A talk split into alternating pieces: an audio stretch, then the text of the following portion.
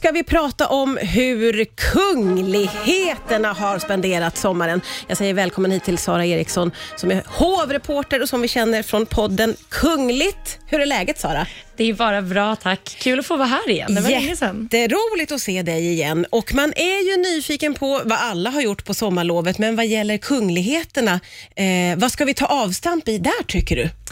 Ja, men jag tycker väl att kanske den största kungliga händelsen den här sommaren, det var väl att eh, prinsessa Madeleine återvände till Sverige efter att ha varit här, härifrån då i ett och ett halvt år. Hon just har ju varit i Florida med familjen under hela coronapandemin. Och inte fått åka tillbaka egentligen, eller liksom hållit sig Ja, men det handlar väl mycket om det här att som kunglighet ska man ju leva som man lär och det hade nog inte sett så snyggt ut ifall att eh, prinsessfamiljen hade satt sig på ett plan Nej, tillbaka det, till Sverige under pandemitiderna. Men nu är de äntligen då tillbaka i Sverige och har spenderat hela sommaren här, vad jag har förstått. Det måste ha varit ett väldigt kärt återseende, föreställer jag mig. Vet vi någonting om hur de har spenderat sin sommar? Då? Vad har de gjort?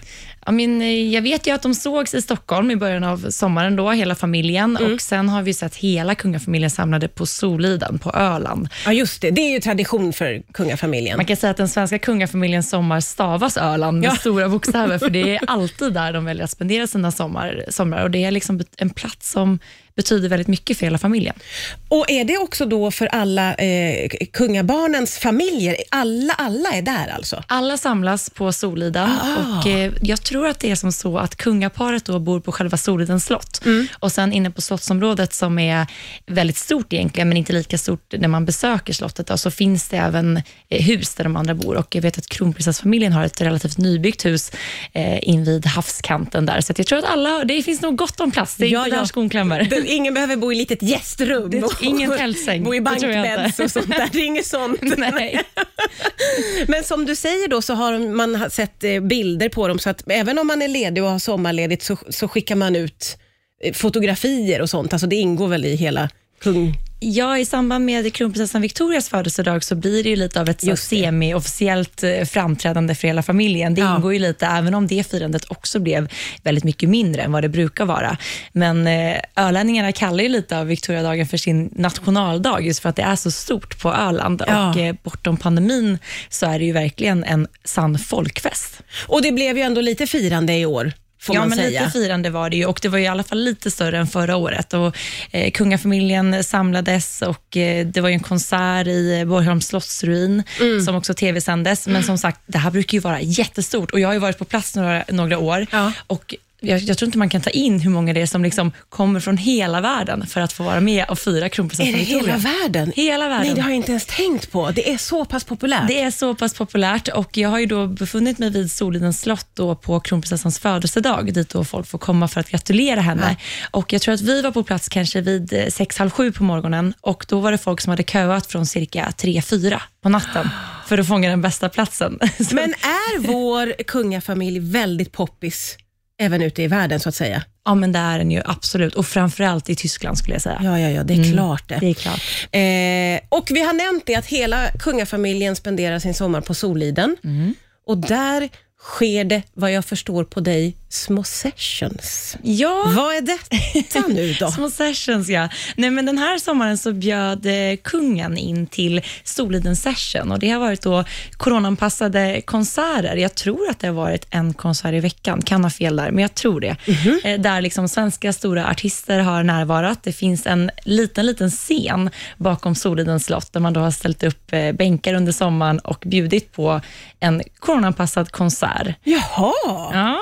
Men, och är det här nytt för i sommar? Eller är Ja. det någonting? Jaha. Nytt, nyhet för i år kan man Nyhet säga. för i år. Är kungen eh, musikintresserad? Vad vet vi om det? Jag tror faktiskt att hela kungafamiljen är väldigt musikintresserade och jag tycker det är kul just för på de här konserterna så har ju faktiskt ibland hela kungafamiljen närvarat, men i alla fall delar av kungafamiljen eh, under alla konserter och då har de liksom rockat loss där. Ja, de har det. Ja. Det kan man ju i och för sig ibland se lite grann under kronprinsessans eh, firande. Då är det ju väldigt sittande och det känns Mm. lite tronliknande. Men man kan ju se att de ändå sittdansar med lite. Ja, men exakt. Och det var väl mycket sittans nu som man har själv fått Ja, göra nu ja, i ett och ett halvt år. Man har blivit bra på det. men det var väl så det gick till nu också. Jag tycker ändå att det var eh, ett kul initiativ av kungen att Ja. bjuda in liksom till till Soliden och konserter liksom, på. Slottsträdgården. Men kan man tolka det som att han har saknat kontakt med folket lite under den här pandemin, eller hur ska man tolka Det det? har väl vi alla gjort, eller hur? Men alla har inte ett slott där man kan bjuda på sessions. Tyvärr inte, det hade man gärna bjudit in till annars. Du eh, nämnde också för mig, du sa ju det att eh, eftersom alla ska få plats på Soliden där så har man byggt till eh, lite hus. Och har, är det kronprinsessfamiljen som har husbygge på gång även här i Stockholm? Ja, precis. Vi har ju tagit del av nyheten att eh, det är ett, hus, eller ett fritidshusbygge på G på eh, Värmdö i Stockholm. Eh, det ska byggas nytt. Eh, Ja, det, är så mycket med det här som förvånar mig. Eh, ett, eh, varför behöver man ett fritidshus i, i Stockholmstrakten? Och två, bygger de vanliga fritidshus? Ska inte de bo i slott? Alltså Sara, jag har fått så många frågor kring det här. ja, det är många frågor som lätt kan dyka upp, men eh, jag tror att de vill ha ett fritidshus då, lite närmre Stockholmstrakten just för att man ska kunna utnyttja det bättre på kanske helger, lov och så vidare. För annars så har de ju som sagt Soliden bland annat. Ja. Haga slott är ju inte litet. Nej. Eh, De har ju mycket att välja på, Kungen har ju en sportstuga i Soliden, så där finns det ju skidmöjligheter och så vidare. Men det behövdes ett, ett till boende och eh, jag tror att det är så att det är bygglov. Det, alltså man har kunnat läsa om det här. Ja, ja, ja. okej. Eh. Vet vi om det har börjat byggas på eller? Det kan jag inte svara på. Nej. För Nej. Jag är så nyfiken på hur det ska se ut också. Men Ja, det är man ju. Helt enkelt. Det känns, om jag får gissa, som att det kommer vara liksom ett det blir inget palats, det blir inget så här Monaco-inspirerat, utan någonting ganska neutralt och passande till platsen, om jag får gissa. Ja, vad roligt att se hur en kronprinsessa väljer att utforma sitt fritidshus. Det här måste vi ju Där ska man väl ha ett hemma hos. Följa. Ja, det hoppas jag att du siktar på att dela med dig av. Eh, vi ska naturligtvis prata lite grann om det faktum att det också har varit ett prinsdop. Men där var det mycket som förbryllade mig, Sara, för att den här lilla prinsen, eh, är, är han prins eller är han inte? Kan vi reda ut vad som gäller? Ja, det är alltså då prins Carl Philip och prinsessan Sofias tredje son. Ja. De har ju sedan tidigare prins Alexander och prins Gabriel. Men det som då skilde, eller skiljer den här pojken åt eh, gentemot de andra kungabarnen, det är ju att han är den första i det svenska kungahuset att födas utanför det kungliga huset, men som en del av kungafamiljen. Kan du förklara skillnaderna i det här för en som är lite. Utanför ah, båda de där husen? Nej, men så här, han föds ju som prins i och med att han är son till prins Carl Philip Ja. och prinsessan Sofia.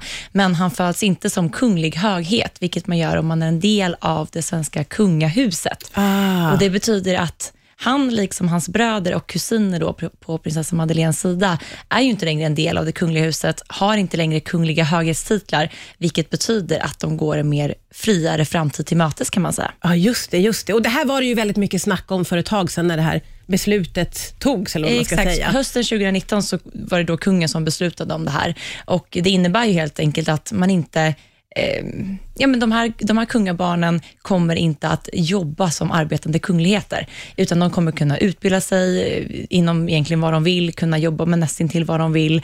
Alltså de får helt enkelt utstaka sin egna framtid på ett helt annat sätt. Har man gjort det här för barnens skull, eller varför tar man ett sånt här beslut? Mm, Jag tror att, ja, men både och såklart, men för att liksom behålla ett förtroende eh, gentemot det svenska kungahuset, eller alla kungahus i världen, så måste man också tydliggöra vad som förväntas av vem. Ah. Och jag menar, helt plötsligt så började, blev kungafamiljen större och större.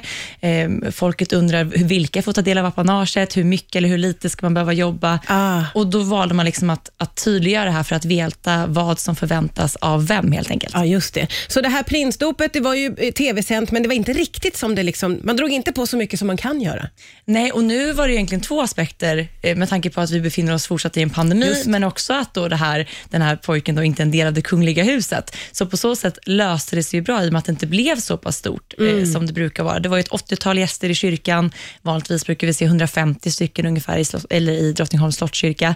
Det direktsändes ju inte, Mm. Ja, utan man det. fick ju ta del av ett sammandrag eh, på söndagen, vilket gjorde mig lite besviken. Ja, det, det var, du, du var eh, mycket besviken på det, naturligtvis. men Ja. det, det är en stor skillnad då naturligtvis. Ja, eh, jag menar, alla kungliga dop har ju direkt sänts sedan kronprinsessan Victoria döptes, så att det här var ju att man bröt en tradition ganska så tydligt och som sagt, så, ja, men det var inte alls lika officiellt som de andra dopen har varit. Och Det Nej. kanske är lite för att tydliggöra just att Julian då inte är en del av det kungliga huset. Just det, det finns lite skillnader.